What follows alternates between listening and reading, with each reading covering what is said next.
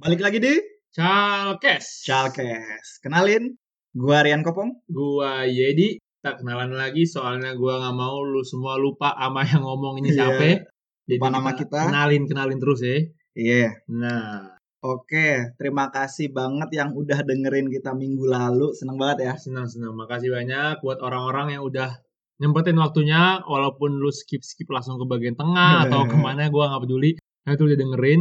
Terus juga eh, mohon maaf nih kalau misalkan lu pada yang nyimak nih sering banget kita ngedengerin kata nah, ya Nah, kan? Karena di balik Ini. kata nah itu kita mikir sebenarnya nih. Ini Tapi setelah kata nah, kita memulai pembicaraan Nah. baru. Pasti ada topik setelah nah. Nah soalnya tuh, nah itu jadi jembatan kita buat mikir. Iya. Kasih waktu kita berpikir dulu buat Nah. ngomong apaan. Jadi begitu. Jadi mohon maaf kalau lu banyak dengan kata nah. Oke.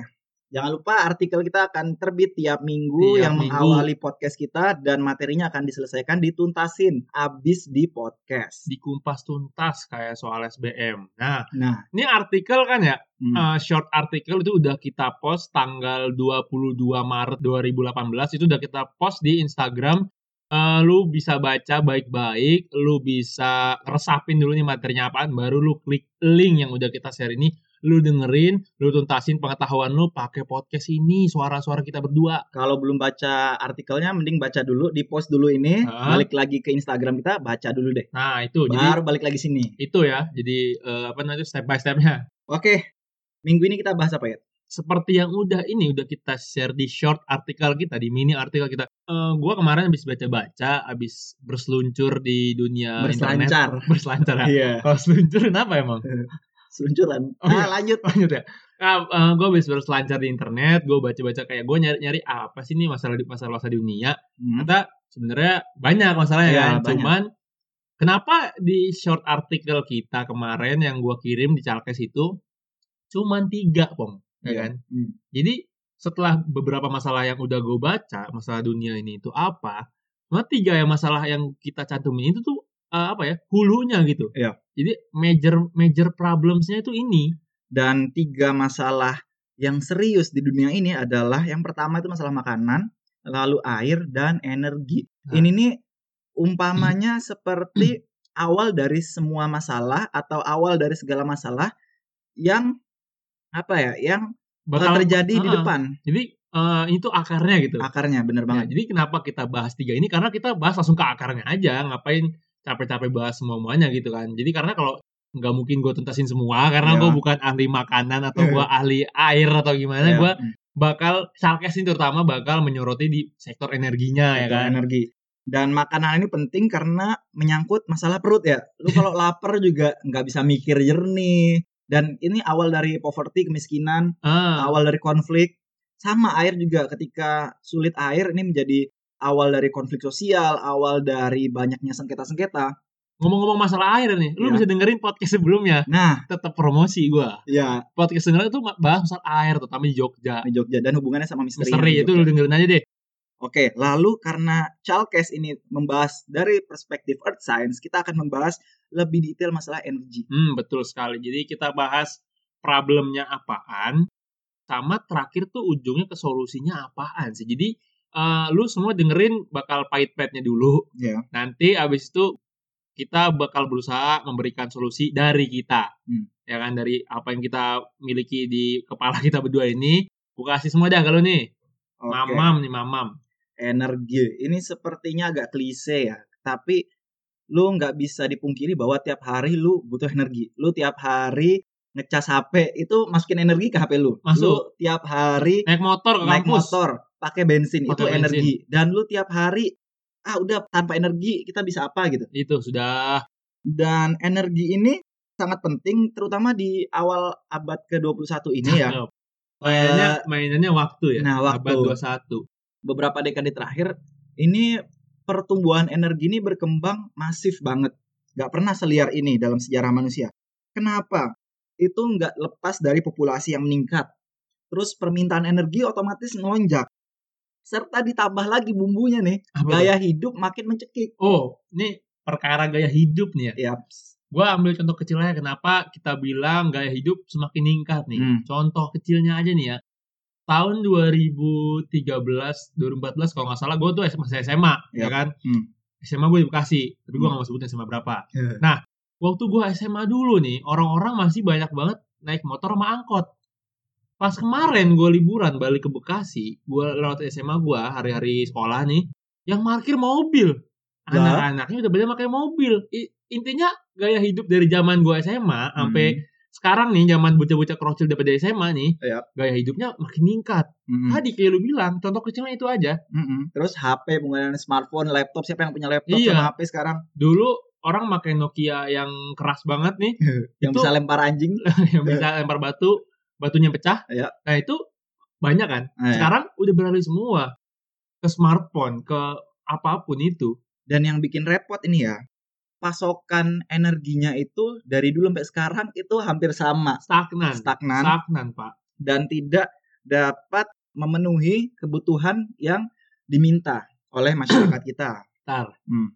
kita relax dulu. Ya, Terlalu cepat, Ah. kan? Terlalu takut nih pada nyimak puyeng nih. iya. Ya kan, pelan-pelan. Jadi, itu tadi tuh. Hmm. Kenapa kita mau bahas, ya kan? Ya, Karena tiga alasan ini. Tiga alasan yang sebenarnya kita rasakan tiap hari nih. Lu Iya, pada benar. rasain semuanya. Lu kalau kagak ngerasain ini lu.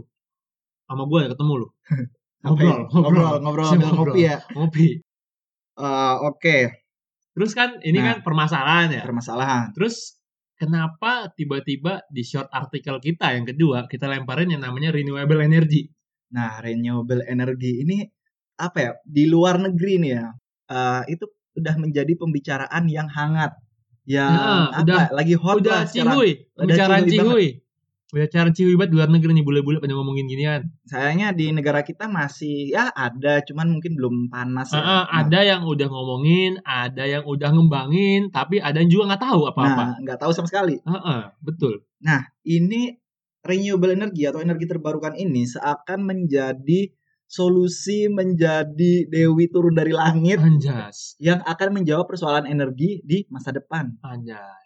Tapi ya bukan tanpa halangan ya. Eh, tadi gua bilang bahwa ini lu yang lagi nyimak ya, pasokan energi sama aja. Karena apa? Dari dulu sampai sekarang porsi kuehnya energi ini ya, kalau kita bagi-bagi itu energi fosil itu masih dominasi. Pemakaian energi ya, Ah, itu paling nggak energi fosil tuh masih mensuplai sekitar 80% dari kebutuhan energi. sekitar 80% dari itu energi fosil tuh kayak Hmm. minyak, gas, batu bara ya kan. Ya, itu tiga itu yang paling besar ya. Lalu ada nuklir. Ya, tapi nuklir baru 5%. nah, dan renewable energy ini banyak ya ada nantilah kita akan bahas banyak, lagi banyak, banyak, betul, Bas. tapi hanya totalnya sekitar 10 persenan, ya belasan mungkin. Jadi artinya apa? Artinya kuenya ini nggak seimbang. Yang satu gede banget, yang satu kecil. Nah, Padahal ya, padahal kalau lu lihat-lihat nih ya ke sekitar lu nih renewable energy kan berarti dia energi yang terbarukan ya kan. Intinya nggak habis-habis ya kan. benar banget. kalau yang lu baca lu yang udah udah baca short artikel kita sebelum kita dengerin podcast ini itu gua nyantumin beberapa yang ada hydropower energy, ada wind power, ada solar energy, geothermal atau panas bumi, sama biomas. Nah, jadi lima energi ini, eh lima renewable energy ini, itu tuh secara nggak langsung ada di sekitar lu. Contohnya ya, kayak hydropower nih. Lu Hmm. lihat sungai, lu lihat bendungan, itu bisa lu manfaatkan jadi hydropower. Hydropower plant energy banget Sel- selama ada air. ada air terus kalau angin angin ya Allah ya, aduh. lu jalan ke sore sore ini apa rambut lu kibas-kibas ya Lu keluar dikit ke mana? Cari angin. cari Nah, angin kalau lu jalan sore rambut kibas-kibas kecuali lu botak Aduh. Yang ngibas rambut yang lain Apaan tuh? Kumis. kumis Jenggot. jenggot aduh Balik. gitu terus ya gimana ya nggak habis-habis cuman kenapa sampai sekarang nih di negara kita tercinta disentuhnya masih dikit gitu ibu kata nih bang Toibnya kagak pulang-pulang ini Nah. kagak disentuh nih bininya nih Aduh. nah itu kan ibu kata nih renewable nih istrinya bang Toib nih cuma bang Toib nih kagak balik-balik ini Iya. bingung kagak sentuh Maksain ya, tapi ya udahlah. kok saya teknologinya maaf maaf mohon maaf Nah, paling enggak tapi renewable ini yang gua senang adalah paling enggak dia menawarkan dua solusi nih. gimana tuh Pertama itu yang tadi sustainable atau apa ya? Eh, berkelanjutan Berkelanjutan. lalu dia lebih green, lebih hijau, lebih adem buat bumi kita tercinta ini. Paling enggak itulah Eh, ininya apa manfaatnya ya? manfaatnya. Eh, dan tadi dia singgung bahwa renewable energy ini banyak banget. Coba lihat apa aja sih renewable energy ini buat lu yang pada nyimak dengerin Nah baik-baik. ini gue mau ngasih apa suatu informasi yang masih maksudnya informasinya masih di dasar-dasar aja sih, nggak Iya. terlalu tinggi. Gue nggak mau ngasih terlalu banyak karena gue juga eh, inilah maksudnya nggak berani ngomong terlalu banyak gitu ya. Iya. Gue cuma ngasih apa yang gue tahu aja. Dan supaya lu lebih ngerti aja. Ah, gitu. jadi kalau eh, renewable energy itu dia energi yang terbarukan kan. Hmm. Nah, di antaranya tuh ada yang pertama biomas. Nah, ini tuh apa ya kurang kurang pengen bahas ini Iya. Eh, karena berkata biomas ini tuh dari tumbuh-tumbuhan kayak kayu, bisa juga dari kotoran hewan semacam Hmm. yang nantinya bakal jadi suatu energi Hasil dari organisme atau organisme biologi. atau biologisnya. Hmm, itu gua bener. mager bahasa. Terus yang kedua ada hydropower. Nah, ini hydropower plant energy. Jadi gimana caranya itu air lu jadiin listrik? Ya. Ya, lu banyak lah pasti lu umur 20-an tahun sekarang udah pernah kan lihat bendungan ya kan? Nah. Lihat pokoknya sungai itu kan. Ya. Nah, itu semua tuh bisa lu manfaatin jadi listrik kalau misalkan ada turbin yang lu pasang terus ada uh, apa teknisnya mantep lah ada prototipenya segala macam itu sebenarnya bisa lu manfaatin jadi listrik dan sungai banyak ya kan Ya. bendungan banyak air tuh di laut banyak banget air tuh ya kan Itu intinya selama lu bisa mengubah energi kinetik menjadi energi mekanik contohnya dan gini deh lagi jadi energi listrik. contohnya gini deh Hmm. gue pengen ngasih contoh lu semua hydropower plant Ya. yang energi terbarukan dari air nih di luar negeri ada nih dari Cina jadi di Cina itu wah ini gelo ini gelo Hmm. di Cina ini ada ada namanya power plantnya namanya ini apa coba Apaan? The Three Georges Dam Aduh, cakep ya Cakep namanya. banget ya, cakep Iya. banget ya. Udah kayak stadion bola. Hmm. Nah, jadi the Three Georges Dam ini dia kayak kayak areanya gede banget itu. Gua lupa ya kurang lebih seribu seribuan kilometer gua lupa seribu berapa Waduh, gede banget. pokoknya ya. ser- seribu kilometer persegi lah gede banget Ya, ya, ya, ya. ada damnya nah itu eh gue baca-baca jadi pemerintah Cina itu mengekspektasikan si Hmm. Three Georges the Three Georges Dam ini bakal ngasilin yang eh, sejumlah energi itu sejumlah tau gak lu berapa? Berapa Oh ini gila nih. 85 miliar kWh per tahun. per tahun? Per tahun. Miliar. Kalau, kalau gue baca nih di, di di artikel ini nih, jadi itu sama aja kayak 50 juta ton batu bara per tahun. 50 juta ton batu bara itu jumlah yang sangat besar dan lu bayangin emisi ketika batu bara itu dibakar emisinya segimana gede Ah, banget. Itu Parah. Itu itu di Cina Di masih Cina. banyak lagi yang lainnya. Di Indonesia mungkin ada tapi masih enggak skala besar kayak gini kayak di Cina. Dan Gitu. balik lagi permasalahannya itu untuk memenuhi kebutuhannya tadi. Kebutuhannya belum, tadi. Lalu apa lagi ya? Itu baru hydropower plant. Hmm. Terus ada lagi wind power atau energi angin. Yap. Lu bayangin tadi gue bilang ya, angin mah di mana-mana. Lu sore-sore Hmm. nih cari angin bisa, spice Hmm. ya. Hmm. Cuman gimana caranya si angin ini lu jadiin listrik. Nah, biar setrum. Aduh. garing. gawat. Garing garing garing garing nggak jadi nggak jadi. Next next next Nah, nah, nah. Kalau wind power ini, itu gua langsung aja mau kasih contoh nih ya. Kalau eh, yang paling gila-gilaan nih, ada Iya. eh, si energi angin ini lu bisa kan ditanam di darat ya. Hmm, Ini dibuat di laut, di laut. Waduh, di kena offshore. ombak gimana tuh? di offshore kayak minyak, Pak. Iya, iya, iya. Nah, ini di aduh, namanya susah banget. Iya. Massachusetts, Masa suset Massachusetts, Massachusetts. Apa itu sih loh bacanya ini? kampung halamannya John Cena kalau nggak salah tuh di Amerika lah di Di US. US. Jadi Nah. Massachusetts M A S S A C H U S E T T S. Nah tuh, Udah cari dah. lah pinter US, kan pokoknya yang pada nyimak kita. Jadi kayak lu kalau wind power nih dia turbinnya tuh kayak kipas angin, Iya. Pak. Jadi kayak kipas angin yang kayak di Belanda-Belanda tuh, Hmm, cuma dipasang di air. di air. Jadi kenapa di Massachusetts ini di US ini dipasang di air? Karena mereka ini melihat beberapa benefit, ya Hmm. kan? Eh, salah satunya tuh apa kalau di laut kan ya daripada darat nih. Lu main deh kalau lu main ke pantai. Iya, Anginnya kayak apa? Aduh. Anginnya kayak apa nih kalau ibarat kata syahdu banget ya. ibarat kata cewek nih main ke pantai nih pakai rok. Beuh, Beh, pemandangan jadi lebih indah. indah, lebih bersinar. lebih bersinar lu makin semangat lu duh. main, pasir bikin istana gitu kan sambil ngubur-ngubur temen lu nih Istana buat kita berdua. ah saya teplokan panci eh, saya kaki cicak. terbata-bata masih mikir lu ya terus terus. terus ah, itu yang pertama nih Hmm. benefitnya kan anginnya lebih banyak point powernya lebih banyak ya kan Terus yang kedua. yang kedua nih jadi kalau si turbinnya kan berisik ya Yap. kalau lu taruh di darat nih emak-emak lagi boboin bocah bisa ngomel-ngomel kagak kagak dia tidur anaknya ini Iya. gara-gara turbinnya berisik jadi kenapa taruh di laut yang jauh dari permukiman warga atau tempat tinggal orang-orang itu karena turbinnya ini berisik jadi Biar- meminimalisir polusi suara Nah, bener banget. nah itu Lalu yang lu bahas lagi apa terakhir? ntar dulu pak Oh, apa? ini yang ketiga nih Oh, yang ketiga. jauh dari pemukiman Oh, oke ya kan? oke Nah, ya. ini selain menghindari polusi suara, Hmm. itu juga eh, menghindari dari kayak dirusak sama warga-warga atau oknum-oknum yang Hmm.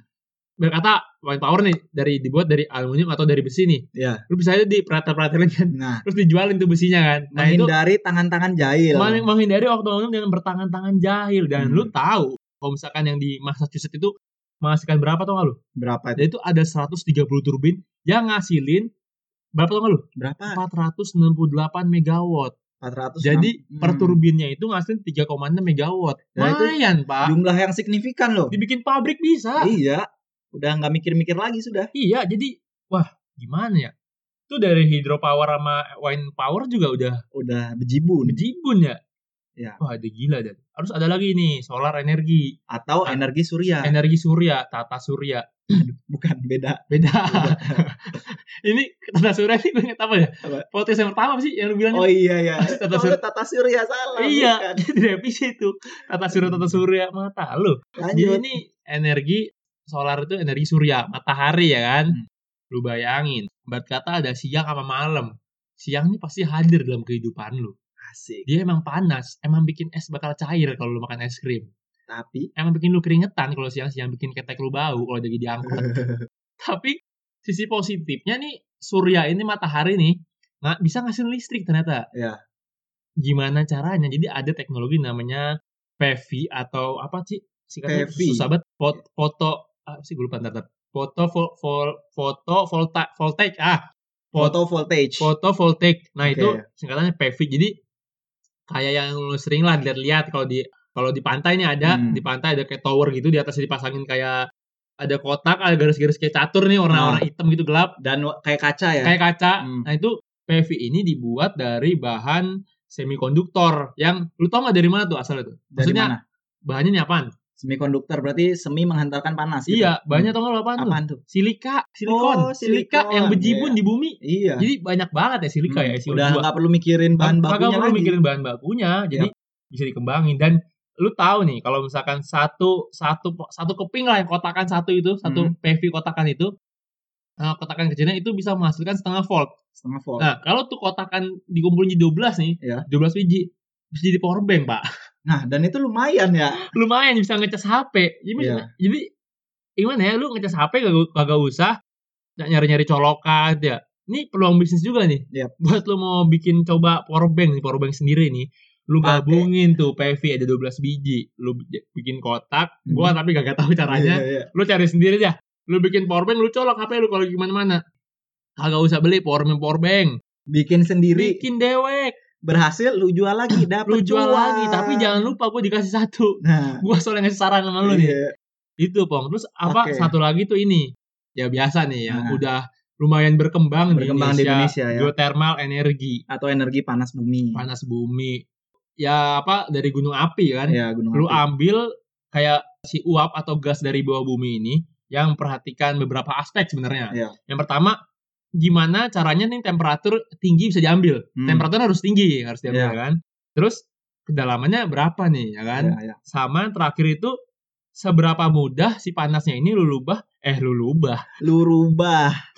seberapa panasnya ini bisa lu ambil Iya. gitu kan nah semakin tinggi temperatur sama semakin dalam kedalaman Hmm. itu semakin menghasilkan energi yang lebih besar gitu Ya. kan ini Intinya intinya memanfaatkan uap uh, uap dari panas bumi. jadi listrik Jadi listrik. jadi listrik di Indonesia udah lumayan berkembang Hmm. sama sorry tadi gua kelewatan pak Apaan tuh? yang hydropower nih ya, itu kan gua ngasih contoh yang di luar negeri yang Nah. di mana tuh tadi tuh di Cina Cina Nah, sebenarnya nih di Indonesia itu udah ada jadi di mana tuh? di Lombok tapi gue lupa nama daerahnya nih Oke. pokoknya di Lom di daerah suatu, suatu daerah di Lombok itu ada suatu SMK pom Hmm, hmm. ada suatu SMK yang dia ini SMK-nya nih renewable energy banget ini Ya. jadi dia bener-bener dilatih buat gimana caranya mengembangbiakan Mengembangkan, nggak Mengembang- pakai biak.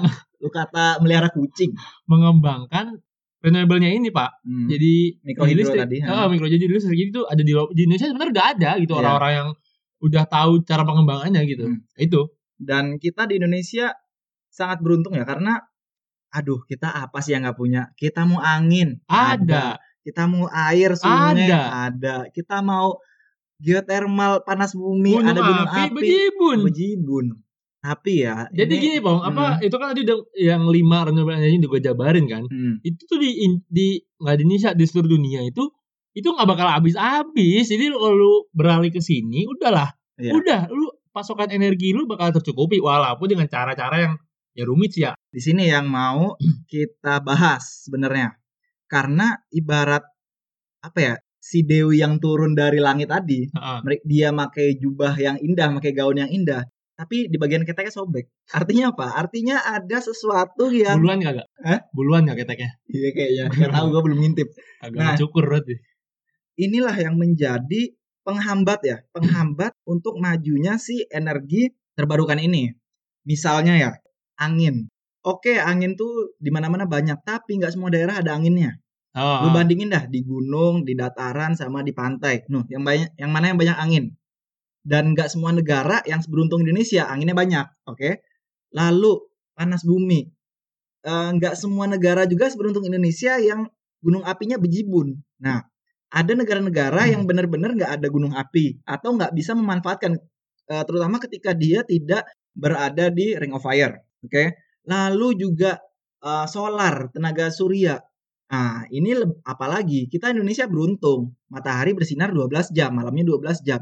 Ada negara banyak yang tinggal di lebih ke arah kutub, itu mataharinya bersinar cuma 3 jam, 4 jam. pertanyaan pertanyaan gue satu nih. Apa tuh? Kalau orang-orang tinggal di daerah kutub nih, Eh, ngejemurnya gimana pak Nah, ibu-ibunya? itu. Bingung ya kayak. Matahari 3 jam doang. Itu ngubek-ngubek nyuci-nyuci, kucek-kucek ya habis ya. Iya. Ya kakak dijemur, Oh, iya. pinter. Ini ya, bercanda dikit apa? Serius Aduh, banget aduh, tadi lu aduh. kayak apa lu kayak pasukan pampres, Pampres, pas pampres. pasukan pampres, pasukan pasukan presiden. Apaan sih? Eh, lanjut. Nah, sehingga apa ya? Ini nih yang dipertanyakan, bisa nggak eh, energi terbarukan ini menjadi energi yang sustainable, yang bisa menggantikan energi fosil? Tapi gini, Bang, justru kalau lu yang bilang tadi menurut gua nih ya, kan Hmm. ada ada di belahan mana yang kuat anginnya atau belahan mana kuat solarnya atau pokoknya masing-masing beda kan. Hmm. Nah, ini makanya ini si renewable ini itu nggak semua renewable bisa diterapkan di satu negara, Bang. Jadi Ya. dibagi-bagi. Ada Hmm. negara yang bisa eh, cuman ada dari angin, Hmm. kayak Belanda, kayak US di yang tadi Massachusetts, Massachusetts. Hmm. Ada juga yang bener-bener dari geotermalnya itu di Iya. Islandia, ya kan? Hmm. Atau dari airnya itu Hmm. emang nggak bisa diterapkan semua muanya di, di satu, satu daerah Iya. karena terbatas tadi kondisi geografisnya seperti apa gitu kan. Dan yang tujuannya adalah untuk kan memenuhi sustainable energi tadi. Heeh. diharapkan bahwa untuk tahun-tahun ke depan ini bukannya si renewable ini mengalahkan energi konvensional seperti batu bara, gas dan minyak bumi, tapi setidaknya porsinya kue tadi nih yang cuma 10%, setidaknya seimbang lah 50-50 misalnya. Dan ini akan menyangkut kepada eh, aspek lingkungan. Nah, dan jangan main-main nih, walaupun masih kecil ya si renewable ini mengganggu perusahaan-perusahaan yang apa ya, yang udah bertengger enak lah gitu, yang udah memainkan energi fosil Betul. yang udah lama-lama Pemain-pemain lama pemain lah. lama ini dibikin kocar kacir Ah. karena mulai menjadi perbincangan di seluruh dunia dan mulai dipandang oleh banyak orang. Ini sampai harga stok atau share atau saham perusahaan-perusahaan seperti di Norway ada State Oil atau di Jerman ada Ion itu sahamnya anjlok gara-gara isu ini mencuat dan ini hangat loh. Nah, akibatnya apa? Akibatnya eh, pemain-pemain energi ini beralih untuk memainkan juga renewable. Nah, gua nggak tahu ya apakah mereka bermain renewable ini emang peduli sama bumi atau karena stock price turun. Tapi yang jelas ini nih akan mendorong untuk majunya renewable ini. Lu BTW nyimak mulu ya. ini gua perhatiin ya, lu Eh. kayaknya udah keringetan kan. Kasihan juga nih bocah ngomong mulu ngomong. Aduh, Tapi aduh, aduh. emang ya gitu, yang lika-likunya renewable tuh banyak sebenarnya ya. banyak dan ada tiga permasalahan yang harus dipecahkan sehingga renewable ini bisa maju. Oke, Pertama, gimana? efektivitas. Kedua, efisiensi. Dan ketiga, ekonomi. Ekonomi. Nggak dipungkirin, ketika kita pakai renewable sekarang-sekarang ini, kita sulit untuk profit. Karena apa? Karena renewable ini masih mahal. Dan energi konvensional itu Hmm. masih banyak di subsidi. subsidi sama pemerintah. Sehingga kalau ditanding ini face to face, satu-satu, kalah. Ya, gue sendiri juga maksudnya nggak realis, gue realis, gue realistis ya ketika gue dihadapkan dengan pilihan mana yang lebih murah dengan melihat keekonomian anak mahasiswa kayak kita mah Iya. pilih yang subsidi ya Iya, beli subsidi. jelas Nah, nah, ini jadi gimana nih caranya kan Eh gimana cara buat setara nih iya. minimal setara lah karena renewable ini masih banyak ke- apa kendalanya kan Iya. dari segi popularitas masih kurang Iya. dari segi buat lu ngebangun biayanya masih gede banget sementara Hmm. kita nggak tahu nih masyarakat bakal beralih kah atau dilupakan gitu aja itu kan bisa jadi rugi Ya, itulah makanya pentingnya regulasi sehingga apa? Sehingga membuat ibarat kata nih ya tanah apa tanah untuk tumbuhnya si renewable ini jadi makin subur makin subur sehingga tumbuhnya nggak terlalu sulit. Aduh. Nah, untuk apa? Untuk mencapai sustainable energi tadi, kemandirian energi untuk masyarakat dunia. Gitu. mantap mantap mantap Aduh, duh, duh. apalagi pak mau apa lagi ceramah apa lagi nih pak Jadi Oke, panjang juga ya ngomong panjang udah berapa? aduh nggak kerasa puluh dari menit 27 menit ini. pak ini yang dengerin anggap juga ini Oke, lalu kita ya sebagai masyarakat kecil lah, Heeh. kita bisa apa sih ya? sebagai bocah-bocah kerocil lah ya Kita bisa apa sih? kalau gua sih ya seperti yang udah kita utarakan di podcast podcast sebelumnya ya kita bisa dari pertama ngerubah habit ngeru- ngerubah kebiasaan kita dulu Nah. kayak lebih hemat lah sama listrik lu contohnya lu keluar rumah ya lu matiin lampu TV jangan lu standby atau lu kalau mau tidur Hmm. TV matiin biar nggak ini Jangan lu tidur tapi TV bahkan nggak dilihat sama iya sekali. sayang terus misalkan lu kalau mau beli telur nih ke warung nih dari kosan jarak cuman 10-20 meter mah jalan aja jangan lu jebret-jebret naik motor Yo, sayang bensin ya Iya. lu ya energi Ya. Ngirit Sekalian lah olahraga lah ya. iya pok- Eh, pokoknya ini dimulai dari diri kita sendiri. Eh, paling enggak lu yang lagi nyimak nih sadar akan energi. Jangan cuma make tapi sadar. Oh ini gua lagi menggunakan energi dan ini nih berharga dan ini nih yang gua pakai sekarang itu adalah masalah yang lagi dihadapi sama dunia tanpa kita sadari sehari-hari ya. Paling Ah. enggak kita teredukasi lah.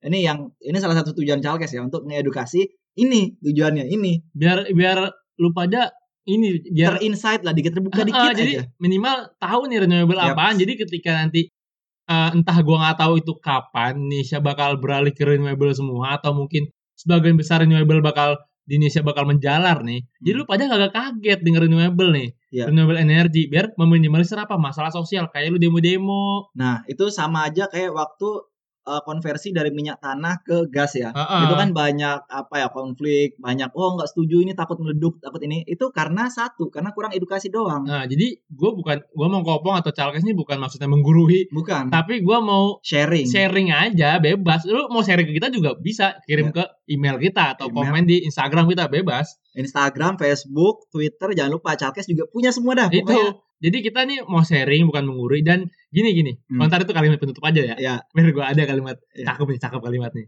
dah Lid, apa lu mau ngomong apa tadi yaudah. Jadi intinya kemandirian energi itu dapat dijawab oleh uh, energi terbarukan.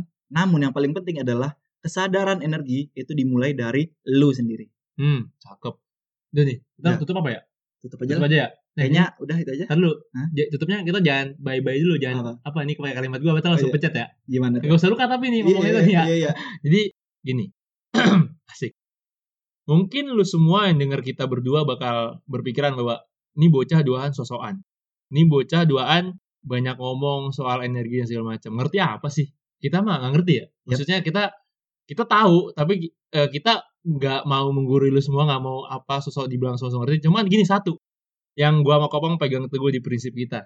Adalah Lu mau sampai kapan jadi negara maju? Eh sorry, lu mau sampai kapan jadi negara berkembang? Lu hidup cuma sekali. Gua sama kopong nih, Calkes. Yap. Pengen kita berdua nih ngeliat Indonesia jadi negara maju. Hmm. Eh, minimal Indonesia bisa sejajar sama negara-negara dua yang menjajahnya. Iya. Itu aja. semua untuk Indonesia. Sampai jumpa minggu depan. Yuk.